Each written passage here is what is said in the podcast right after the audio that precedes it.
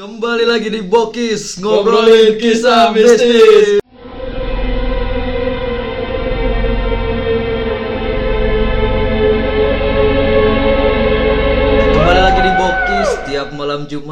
Bagian kita nih Yoi. buat nemenin kamu dalam cerita-cerita horor dari narasumber-narasumber yang pastinya terpercaya. terpercaya dan dapat diandalkan. Ini gue demen banget nih sama narasumber gue. Kayaknya kita kedatangan siapa sih nis? Oh, ini mak tak kenal maka kata sayang Bray. Ini namanya Bapak Dimas. Bek, Dimas Bek. Dimas Bek. Dimas Anu kalau ini singkatannya ya. Oke. Halo, Oke, Bang Dim. halo. Ya, ya, ya. Ini ya, kenalin ya. temen gue si Ya. Rizky Rahmat. Ya, sekarang ja- dia jametnya untuk logistik sekarang bro. Oh, iya? Iya. Iya, iya. Setelah si Joko. Joko udah kegeser sekarang. Iya lu tadi diem aja dia. Udah nggak ada taringnya. Iya oke oke. Sekarang emang kita kekurangan ya untuk dari sini anak potstick yang libur si Bang Bondan sama si Kicot. Kita berdua doang. Nah Mas Ferdi nih kasihan dia Kenapa bro? masuk angin dia. Ngambil siklif dia. Gak, Oh, tadi kue mulu. Oh, iya. Iya. Oke Bang Dim, ini Hmm. lu mau berbagi cerita dengan anak potstick nih ya? Ya, Oke, tar dulu deh. Oke, kita lanjut lagi. Oh gitu ya cara kalian ngekat ya? Oh iya iya. Iya iya Tadi iya. berhubung tadi Bapak Dimas banyak banget nih tamunya ya dari tadi. Ya, Susah kita membuat janji aja susah cuy. Ya. Tapi Bang Dimas itu orangnya janjinya bisa dipegang, Bre. Kata-katanya dapat dipegang. Tapi itu lagi kesepakatan. Oke Bang Dim, Hmm. tadi bertanya nih tadi Gimana? Lu mau bagi cerita tentang apa nih untuk di postik ini? Ya, gue ngedengerin potstick itu dari episode pertama dari dari dari lama lah. Walaupun gue lupa juga yang judulnya apa. Ya biar gue nggak denger dengerin Itu banget. cerita manusia ganteng itu sebenarnya. Cerita manusia ganteng. Enggak itu. Oke. Mas otot. Jadi eh kalau ngelihat trennya postik kan ngelihat itu biasanya kalau dengar sorry itu biasanya kayak gue ngeliat penampakan ini cerita Hmm, gue tentang dari orang tua gue ini ini ini ini That's right. Gue nggak pernah ngalamin itu sih bos untungnya ya ya. seumur hidup gue gue baru sekali ngalamin yang bener-bener literally ngeliat nanti gue ceritain lah Oke. tapi ada background yang menarik sih gue nggak tahu ini menarik buat Hmm. teman-teman yang dengerin buat lu berdua atau buat teman-teman yang lain lah yang Hmm. yang yang anak potstick lain mungkin alurnya akan gue bikin mundur gue ceritain apa yang pernah gue hadapin Hmm. yang pernah terjadi di kehidupan gue baru nanti gue kasih tahu sebenarnya ada apa Oke, ini like. Alasannya. Oh dia kayak menarik nih. menarik, oke lu mau dengerin dari mana dulu Urutan lu aja deh, Bang. urutan gue Kita ngikutin aja dah. Biar enak aja. oke eh gue boleh batuk nggak sih di sini Oh boleh. Oh, Nanti di ya? ini di Iya. sensor slow. Mampus ya ngedit. Oke, ya, ya, biar susah aja hidup orang. Slow. Hmm. Oke, jadi eh setiap fase kehidupan, maksud gue setiap fase kehidupan itu dari SMA. Ini mulai dari SMA sih. SMA, kuliah sampai kerja. Terakhir satu bulan lalu itu gue alamin. Kondisi apa yang gue alamin? Jadi eh tarik mundur dulu deh jauh ke belakang pas gue SD tepatnya kelas 3 gue sebenarnya itu eh, keturunan dari dua orang tua yang eh, punya background yang sangat jauh berbeda bokap gue itu orang Solo Jawa Tengah Jawa Tengah. ya masih ada keturunan orang keratonnya Darah biru. nggak biru biru amat sayangnya Yang biru itulah. ya biru Stabilo. Stabilo nyokap gue itu perpaduan antara Sunda dan Padang Oh, gitu hijau banget. jauh banget kan nah hal ini hal pertama yang masih sampai sekarang gue inget itu adalah kondisi di mana waktu itu pas gue sekitar kelas 3 atau 4 SD gue lupa detailnya itu gue pulang kampung ke Solo ya, biasa lah setiap tahun kita pulang kampung tapi di tahun itu kita memutuskan untuk oh ya udah dapat undangan nih dari keraton Solo. Yuk datang ke keraton. Datanglah kita sekeluarga besar. Total anaknya nenek gua dari bokap itu ada delapan. 8. delapan. Semuanya udah nikah masing-masing punya anak itu ada yang dua dan tiga. Ya total pokoknya sekitar 25 25 orang lah. Nah sampai keraton yang namanya masuk keraton gua nggak tahu lu ber- berdua pernah lihat di YouTube atau pernah denger atau gimana tapi biasanya jalannya itu ngerangkak bos. Nah, kerangka belum? yes. Ngerangkaknya itu kayak lu duduk di antara dua sujud gitu loh terus kayak jalan. Itu untuk apa? Untuk respect each other. Respect ke si raja solonya itu. Di Raja Solo. kayak gitu. Dengan gagah beraninya nyokap gue jalan aja petantang petenteng Apa ini karena nyokap lu nggak tahu atau gimana? itu alasannya Oh, nggak tahu men. nyokap gue nggak tahu. Itu pengalaman pertama nyokap gue untuk masuk ke keraton Solo. Ke bener-bener lingkungan ring satunya Raja Solo. Yang di mana semua orang biasa ngerangkak nyokap gue jalan. Jalannya itu nggak disengaja sebenarnya. Karena ketidaktahuan. karena ketidaktahuan. Jadi si jadi gini ceritanya. Seingat gue ya seingat gue karena udah samar-samar juga Raja Solo lewat. Kita juga lewat papasan nih bos. Hmm. nah itu kita yang harus ngalah nunduk dan itu kayak duduk di antara dua sujud terus kerangkak. Hmm. gitu. Nyokap gue udah jalannya lurus. Itu diliatin sama orang sekitar. diliatin. Raja Solo waktu itu kalau kata bokap gue cuman senyum aja. Monggo. Mau kayak gitu. Kayak maklumin kali ya. maklumin. Ada hal lain yang terjadi setelah itu? Nggak ada. Tapi saat gue pulang ke Jakarta nyokap gue itu badannya panas. Gue masih ingat banget. Badannya panas keringetan tapi dia ngerasain menggigil dibawa ke dokter oh yaudah ini cuma kecapean standar lah Standar. ya kita assume masih oh ya udahlah ini standar yang aneh di hari kedua pas nyokap udah sampai Jakarta sakit itu orang nggak pernah dengerin bukan nggak pernah dengerin ya nggak pernah bisa ngomong Jawa Hmm. tahu-tahu jadi orang Jawa seutuhnya Nyokap lu. yes yang gue lihat waktu itu gue lagi main PS nih Iya. main PS anak kecil kan main PS tahu-tahu adik gue dari atas turun Hmm. ke bawah masih kecil umur 4 tahunan lah bokap gue udah di samping gue ngeliatin gue main PS Itu PS PS apa tuh? PS1 PS1. Yoi. Gue cuma main itu. yoi winning eleven Kayaknya lu seumuran nih. ya tuan Dennis lah Kagak aja. gue masih 19 anyway Ini sesepuh gua. eh gue lanjut deh Oke, gue lanjut lanjut. adik gue turun lari-lari ya ya ibu lagi nyanyi di atas. Entah kenapa waktu itu bokap gue langsung lari ke atas. Gue ditinggal. Adik gue digendong lari ke atas. Gue pun ikut dong ke atas. Ada apa nih? Bingung. Nah pas sampai depan pintu nyokap gue matanya tajam. Nengok kanan kiri tapi nyinden bahasa Jawa. Latar belakang nyokap lu bang. Itu Sunda Yes. Padang. Nggak ada. Dia nggak bisa nggak fasih sama sekali gitu ya. Yes. Gue di situ cuman kayak bener-bener anjir apa nih orang kenapa nih dia pintu ditutup plek sama bokap gue Dan lu di, di dalam. di luar Oh lu di luar. adik gue Cuma- dikeluarin adik gue dikeluarin gue pun juga udah ya sana keluar dulu pintu ditutup udah itu selesai masalah di situ Hmm. baliklah ke normal oh ya udah gue pikir oh mungkin nyokap gue kecapean atau apa Tapi setelah itu lu sempet ini gak sih nanya ke bokap lo itu? nanya banget. Nanya lah ibu kenapa? Nah, kok bisa ngomong bahasa Jawa dan lain sebagainya? Nah. Jawaban bokap lu? nggak apa-apa. Ibu kecapean. Nggak logis menurut gua. Ya lu anak umur 3-4 tahun bisa mikir lah ini logis apa enggaknya? Yang Pasti. orang tua pengen anaknya tenang dulu aja deh. ya itu alasannya. Oke. Terus habis itu gua lempar agak jauh ya ceritanya. Iya. SMA sepanjang itu ada hal aneh yang sering terjadi di kehidupan gua. Cuman ya udah gua nganggapnya kayak cuman oh ya udah rezeki kayak misalnya. Jadi adik gua main ayunan. Lu tahu ayunan SD gitu kan? Ayunan yang warna-warni terus habis itu ran, eh, talinya rantai. Iya. tahu kan? Oh. nah itu dinaikin sama empat orang anak kecil anak kecil itu. Nggak tahu kenapa. Jatuh. Tadinya putus yang lain tangannya ada yang sobek kakinya ada yang patah palanya ada yang bocor. Dengerin. adek gue bisa lari ke rumah manggilin orang tuanya anak-anak itu. Adek lu nggak kenapa-napa? nggak apa-apa. Even bajunya kotor pun nggak.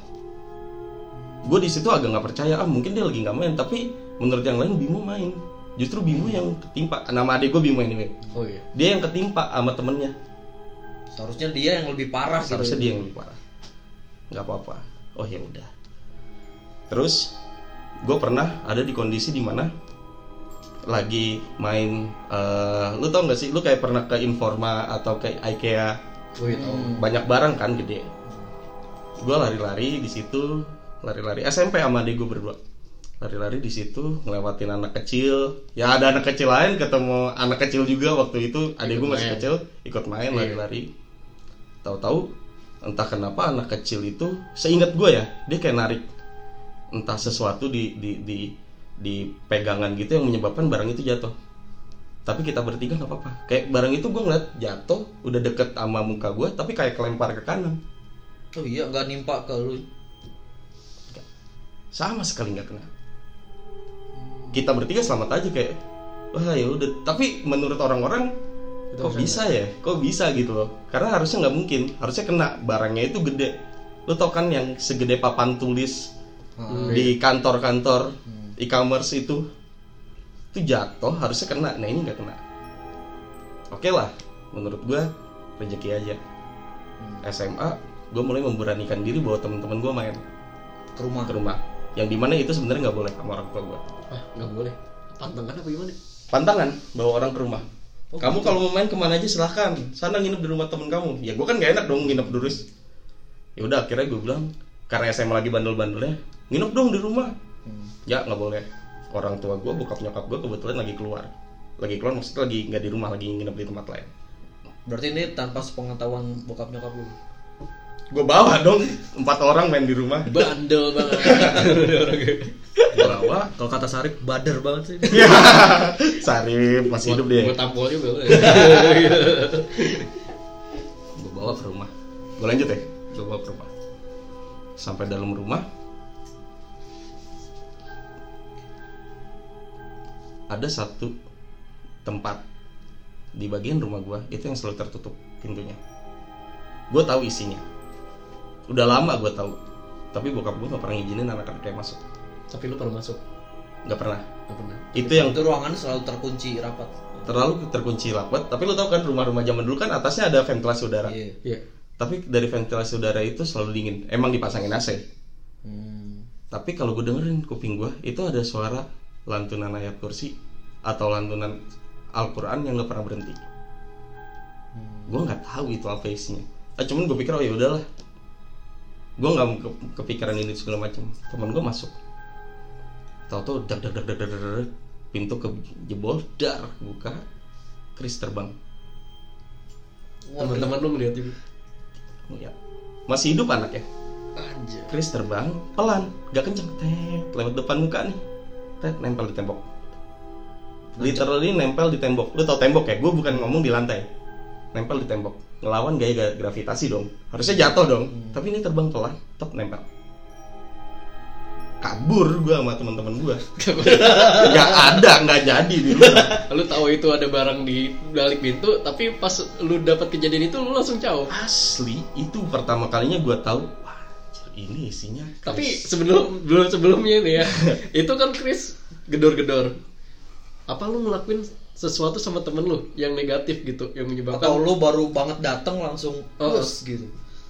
bokap gue yang cerita di besoknya gue kabur dari rumah besoknya harusnya bokap gue landing dia apa balik ke rumah Hmm. ya kan gue tidur di pos satpam karena di rumah gue nggak jauh dengan pos satpam udah gue tidur di pos satpam gak mau masuk rumah. Satpam kerjanya ngapain? Nutup pintu rumah kunci udah. Gitu iya ngasih kuncinya ke gue dan nih gak ada apa-apa kok di rumah kamu. Hmm. pas gue balik. Bokap gue cuma senyum ngeliat pintu tempatnya dia hancur berantakan. Iya. yang nggak pernah gue buka. Akhirnya gue diajak masuk dikasih lihat ke dalamnya. Hmm. ini ya yang kemarin terbang nggak ada orang yang masuk ke rumah itu sebelum gue dan bokap gue tapi Chris itu udah kesimbang rapi di tempatnya. Jadi ada rak kaca. Hmm. isinya ada Chris 4 biji. Atas satu bawahnya itu ada tiga. Ini yang kemarin terbang Salah satu dari itu. yang paling atas. Iya. Tapi itu rapi lagi. Rapi. Nggak ada Iya. pecahan. Gitu. logiknya pecah dong karena kan Iya. lemari kaca. Di Iya, ada. dan gue ngedenger dengan dia sprang terus terbang. Tapi nggak ada gue kayak cuma speechless kayak kok nggak pecah? Tapi gue nggak berani ngomong. Hmm. dah nanti kamu ngerti. SMA tuh. Umur gue belum 17 kelas 1 kelas 2 itu kalau nggak salah udah 17 atau berapa gue lupa lah. Pas kelas 2 nya udah balik gue dipanggil bokap gue baru dijelasin di situ. Kenapa sih ada Chris di sini? Hmm. Tapi gue di sini nggak percaya bos. Makanya gue nggak mau ceritain ini sekarang. Sampai akhirnya di detik ini gue baru percaya. Oke. Ini semua make sense. Ada satu kejadian yang buat lo percaya.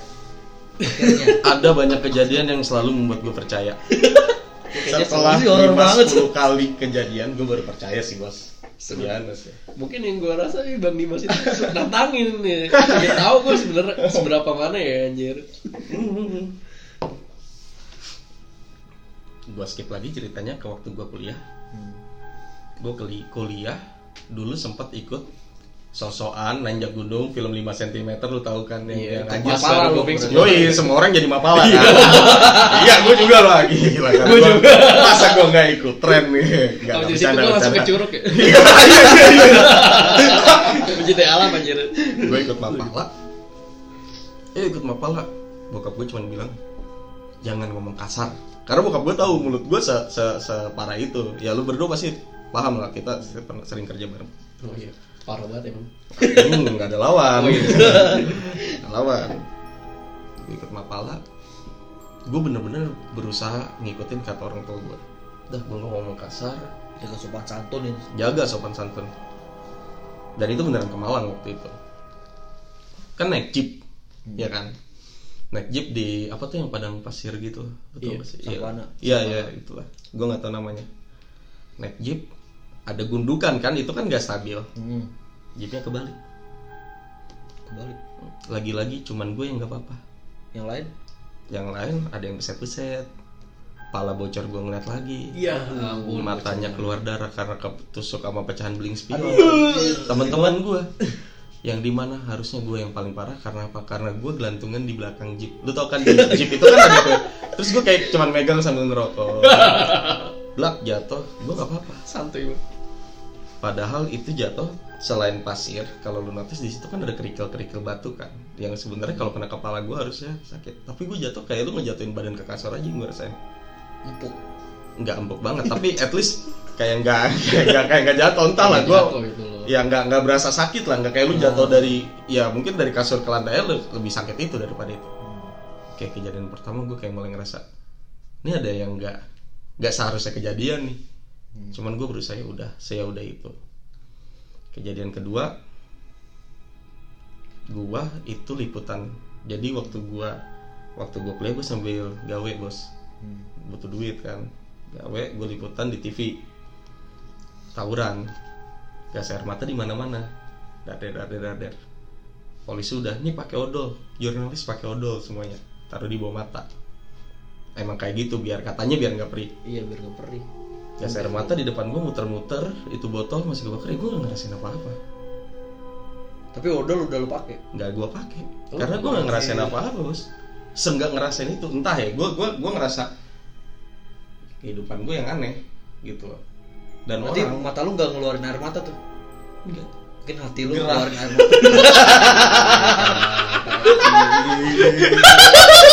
Eh kita udahan aja kali ya Jangan, jangan.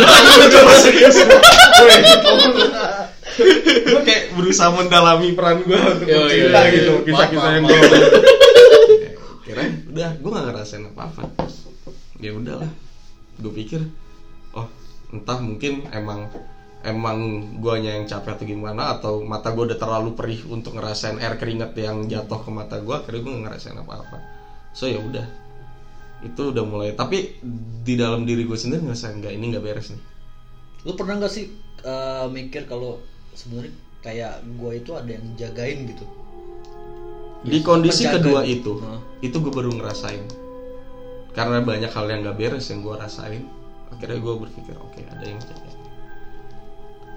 saat gue mulai punya perasaan gue ada yang ngejagain di situ karena hal yang itu itu ngebuat gue makin hati-hati.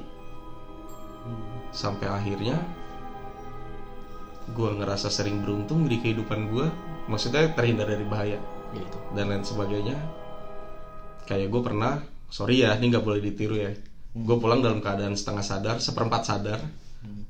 Ya lu tau lah kalau orang lagi high banget Lem, lem, lem, lem. leng leng leng bener Lem, leng. lem. gue buka pintu mobil. Mobil masih nyala. Gue naik ke kamar tidur. Gue ingat "Anjir, ini mobil gue males banget matiinnya turun pagar nggak gue tutup. Dah gue ketiduran. Lagi-lagi orang tua gue emang nggak ada. Emang gue jarang jarang jarang jarang kumpul sama orang tua karena orang tua ada di di apa namanya rumah yang berbeda. Gue yang ngejagain itu tempat. Pas gue bangun yang gue temuin kunci mobil handphone dompet sama rokok udah berjajar. Rapi. rapih. Nggak tahu. Terus kondisi mobil? Ketutup. Ketutup kekunci. Gue pencet dari atas tit bunyi. Gue nggak punya alasan yang jelas. Ya terserah ya yang dengerin percaya atau enggak tapi itu yang gue alami monggo kalau mau ke rumah. Itu mobil lu bersih juga? Ya enggak dong. Ini polisi. Ya lumayan ya kalau di eh enggak lu nggak boleh. Ampun ampun ampun jangan mancing. Ampun, ampun, ampun. jangan mancing. Maaf maaf maaf. Sering lah gue ada di kondisi kayak gitu. Gue ngebut-ngebutan di tol nyalip sana sini ngerasanya lancar-lancar aja. Temen gue yang ngejar gue udah nyerempet mobil. Tapi lo aman gitu, ya udah merasa aman sampai akhirnya ada momen di mana gue sempat setelah lulus sebelum gue kerja di eh, kantor gue coba bantuin bokap gue Hmm. kerja Kon- bokap gue itu eh, bidang usahanya sejenis untuk pembebas lahan tanah Hmm. buat jalan tol pemerintah oke gue nggak mau nyebutin daerahnya tapi ini ada di Kalimantan ketika gue dengar Kalimantan apa merinding gue ya jadi Ya, serius karena gue. banyak hutan. nah Bener gak sih? ya. Jalanan sepi. yes tolnya si pemerintah ini kan ngebelah hutan nih Hmm. ada bagian yang ngebelah hutan di Kalimantan otomatis untuk tahu berapa luas tanahnya karena gue harus ngitungin itu tanah harganya berapa gue harus tahu luasnya berapa daerah situ eh, ke kegemburan tanahnya berapa persen dari total tanah yang ada kemudian nilai aset di daerah situ berapa dan lain sebagainya otomatis gue harus keluar masuk hutan. Nggak literally hutan yang gimana gimana sih. Jalan setapak perkampungan kanan kiri udah hutan. Atau nggak jurang kanan jurang kirinya hutan tebing. Iya. Ada lahan pertanian juga sawit ya paling. Iya, kayak gitu. Sebenarnya. Ya udah lah, kita sebutin lah. Oh, iya. Gua gua nggak tahu, gua gua nggak tahu lu notice apa enggak, tapi ini cerita emang udah, ini cerita bukan cerita tentang gue ya, tapi kejadian ini udah sering terjadi dan warga sekitar udah udah kayak Maklum. eh bukan maklum ya, orang yang ada di posisi itu katanya akan mengalami ABCDFG. Gue nggak mau cerita itu, sorry, karena menurut gue itu pamali. Gua dan beberapa orang yang ditugaskan ke, ke sana sepakat untuk nggak menceritakan detail poinnya. Iya, itu bener sih. Soalnya kalau abang-abang gue juga yang kerja di kelapa sawit di Kalimantan itu banyak kejadian aneh yang nggak boleh diceritain juga. Tapi walaupun Gitu. gue tahu, gue juga tahu sih, cuma dan Nggak, tapi nggak boleh diceritain gitu. emang nggak boleh. In detail nggak boleh diceritain. Nggak boleh juga nggak detail. Hmm. Detailnya nggak boleh diceritain. Tapi gue cuma ceritain apa yang gue alami ya se, se ininya aja lah. Permukaannya Se- doang lah ya. Permukaannya doang aja deh. Karena gue ngerasa mulai jumawa, karena gue ngerasa ini kantor yang punya bokap gue, Hmm. gue ngerasa gue ada yang lindungin, gue ngerasa aman banget. Gue waktu ke Kalimantan itu berlima bos. Depan itu supir yang tahu jalan. Dan gue nyewa mobil itu sama dia. Hmm. kiri itu temennya bokap gua masih muda juga.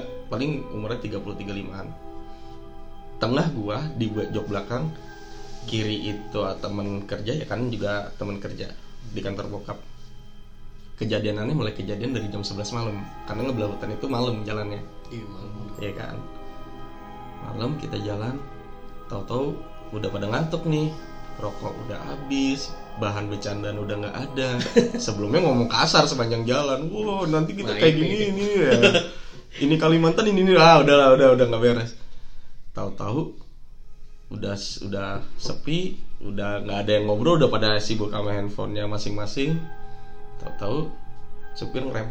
Cet mendadak dia cuma ngeliatin ke satu titik dan nggak ngomong apa-apa. Bengong ya. bengong. Gue karena ketutup di depan gue nggak terlalu jelas gue akhirnya nye, kepala gue kayak ngeliatin dong. Ada apaan sih? Lingkukan ya? Yes dari Lu situ. posisi tempat duduk lu di mana? di tengah. di tengah.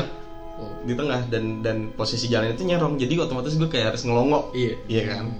Gue ngelongok yang gue lihat ada orang gue nggak tahu itu perempuan atau laki-laki. Gue assuming itu perempuan gue asumsi gue itu perempuan karena pakai rok. Iya. Hmm. gue nggak bisa ngeliat kakinya karena Tapi itu rumput warna merah. Bajunya merah tangan panjang. Kayak manusia dia cuma diem yang di samping kanan gua di belakang supir bilang jalan aja udah. Jangan ada yang nengok. Jalan kan. Set, pas ngelewatin kita berusaha nggak ada yang nengok. Tapi ya lu tau kan lu ngeliat ke depan tapi lu bisa ngeliat sini lu kan? Lu, lu paham dong bos. Kalau kata Iya. Bang Bondan ada buntut mata men. buntut mata. Episode satu. Dengarkan episode satu.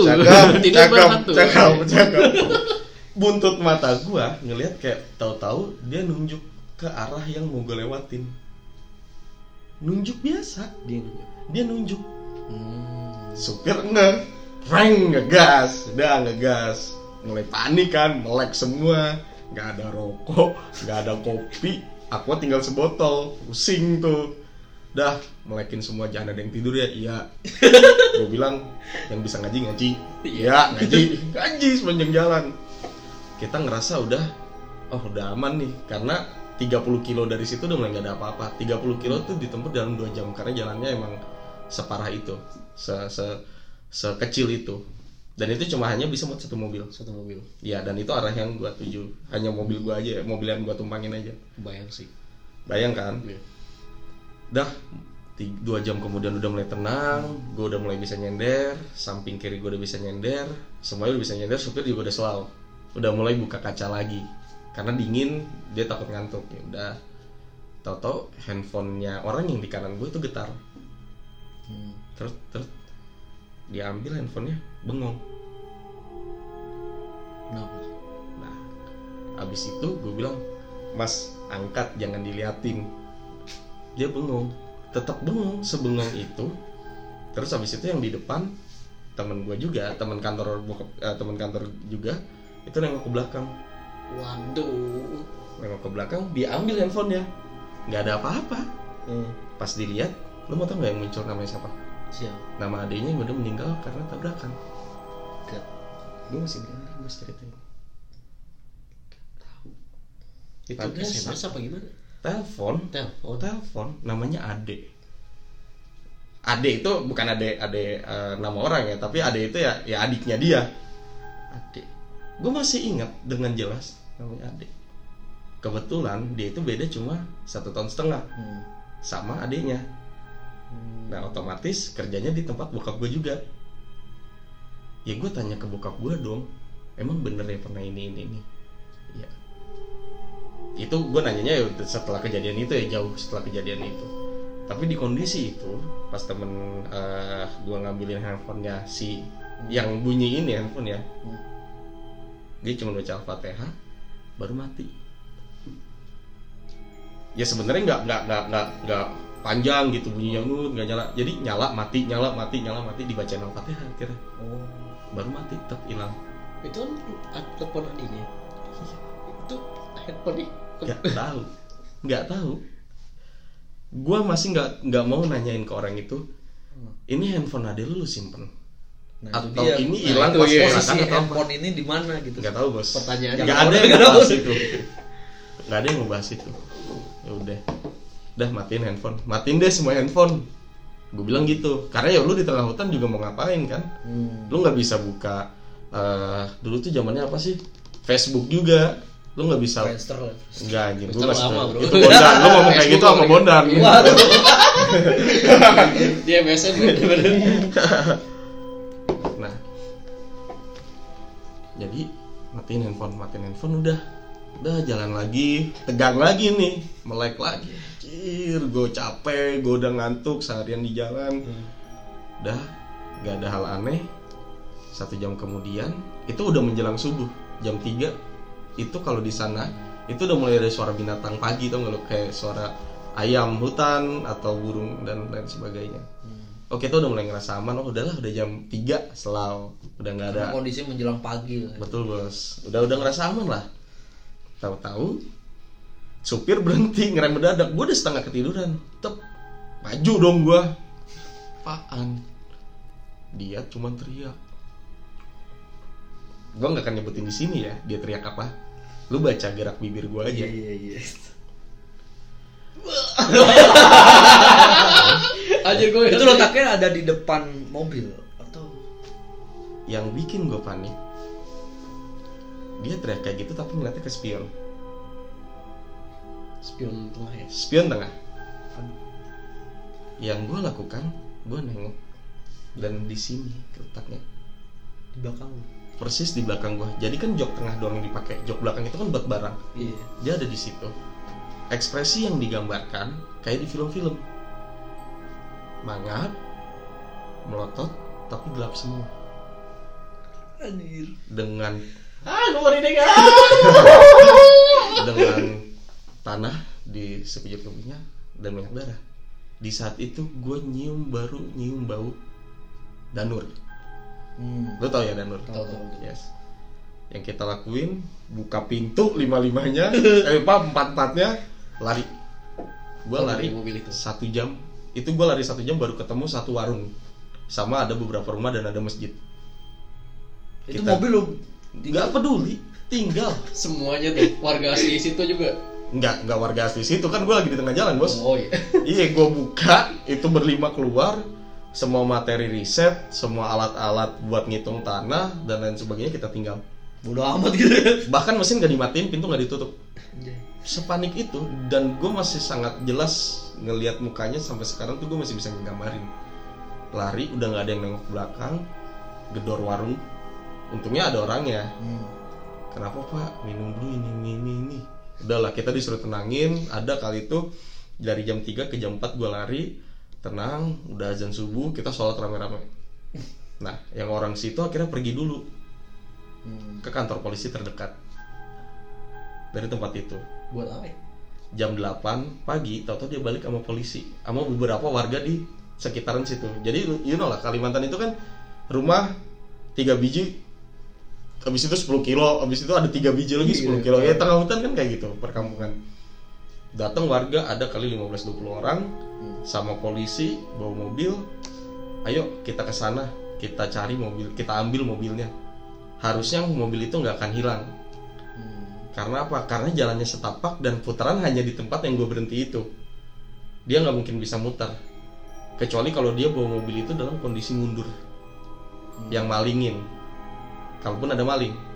Udah dong, pede dong, berani dong. Yuk lah ramean. Pagi ini. Akhirnya gitu. Pas gue balik ke situ. Di situ gue yang bikin gue lebih kayak anjir, apalagi nih Kenapa tuh? mobil kan satu cuman satu arah bos Hmm. karena pinggir itu udah kayak rawa-rawa gitu nggak mungkin muter lah Hmm. mobil itu udah ke arah sebaliknya pintu udah kekunci. Kunci mobilnya tuh nggak ada di mana? Digantungin di wiper. Puteran itu cuma di tempat gua istirahat karena habis lari tadi. Dia masih jauh lah putarannya ya. masih gua lari sejam. Gimana lu ngejelasin pakai logika? Gue sampai sekarang nggak tahu.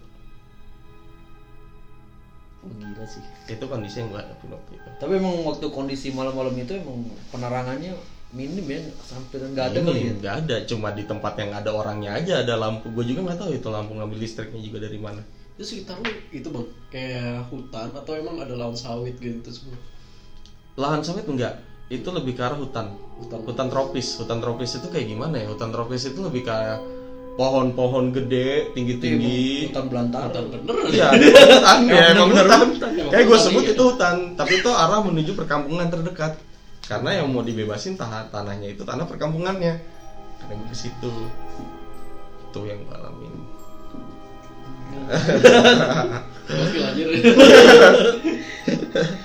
Itu sampai akhirnya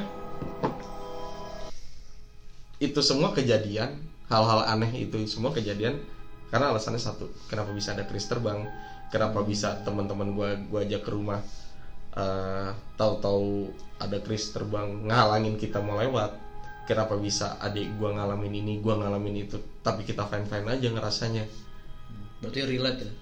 semuanya relate. Jadi mbah buyut gua Hmm. yang di dari bokap itu berkhianat sama keluarganya. Bentuk pengkhianatannya seperti apa?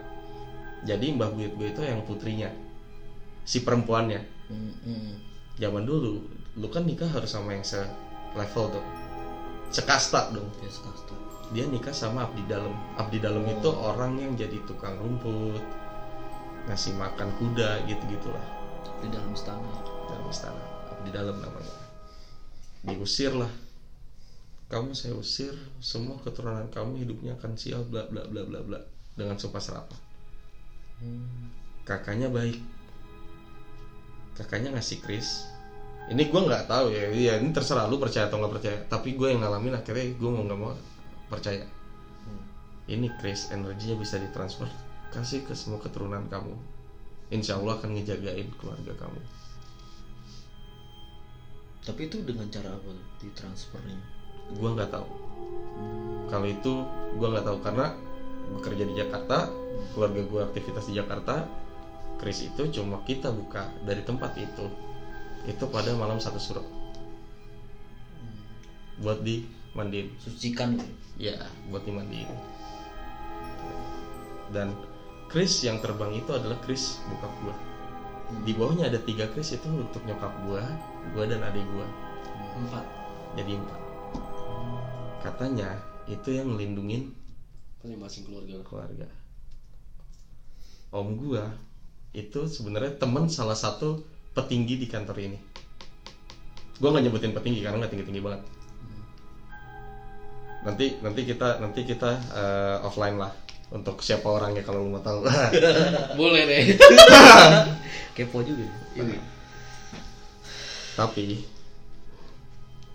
si orang ini ternyata pernah ketemu sama eh, om gua waktu kuliah demo tahun 98 Hmm.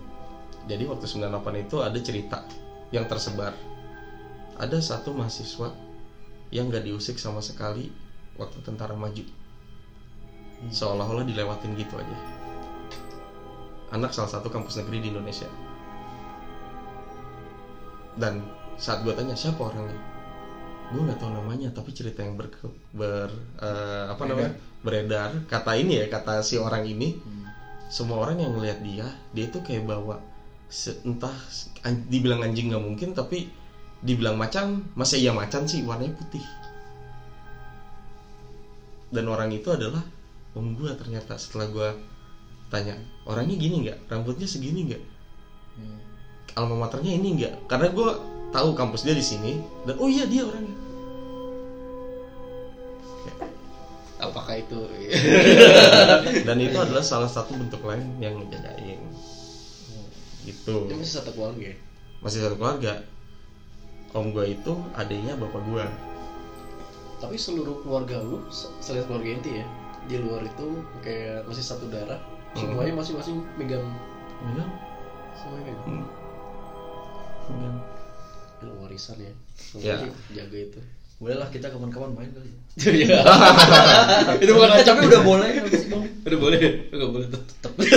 gua karena eh, alhamdulillahnya bukan bermaksud sombong eh, rumah itu Hmm. lagi ba- lebih banyak kosong ya karena gua mau keluarga gua nggak mungkin juga nggak nerima tamu kan Hmm. jadi tinggal di tempat yang berbeda di rumah yang berbeda nah kalau mau main ya biasanya gua arahin orang ke sini kalau rumah itu benar-benar buat keluarga inti aja Oh gitu. gitu entah dari keluarga inti bokap gua atau nyokap gua Yang jadi keluarga satu darah keluarga gitu ya. hmm. tapi untuk ngomongin nyokap lu nih cerita yang awal ya tadi hmm. sampai sekarang masih kayak gitu nggak maksudnya pernah- gimana nih maksudnya kayak gimana yang tadi kan pertamanya lu pernah bilang hmm. nyokap lu tau tau senyum atau atau selama apa seneng Jawa gitu ya Senang Jawa. ya ya nyinden istilahnya Nyiden. bos. Hmm. sampai sekarang masih kayak gitu enggak lah Nggak. apa yang tadi awal lu itu kejadian itu aja tapi selain itu banyak juga kejadian yang terjadi sama nyokap gue yang gue rasa oh gue nggak perlu cerita. Karena karena ya akan sama-sama aja gitu.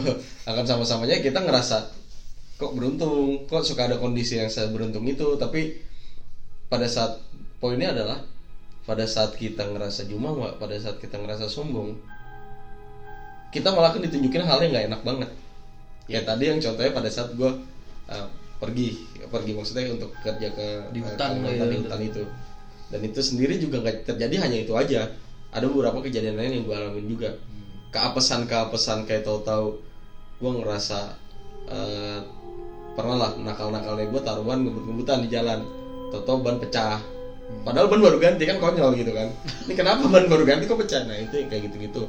Itu sering sering terjadi. Tapi gue ngerasa memang tahap paling parahnya di diri gue adalah waktu gue ditugasin ngeriset di hutan ngerasa bebas karena nggak ada orang tua gue oh gue semaunya ini itu segala macam. Karena merasa ada yang menjaga gitu. ya betul. Sampai akhirnya gue benar-benar diliatin sama hal yang gue nggak pernah mau untuk gue lihat itu. Eh, menjaganya ini anak sombong sih. Tolong dong. Teman-temanku Ya gitu juga dong. Iya, gitulah paling yang bisa gue ceritain. paling di Kalimantan ya cer- cerita-cerita ini orang lain itu kalau lo misalkan bener ke hutan bener-bener kelihatan banget kan kalau misalkan di sini atau cerita lain orang sekelebat doang ya paling ya atau bayangan gitu Iya. tapi kalau di daerah sana bener-bener kelihatan wujudnya bro Bener-bener full. ya.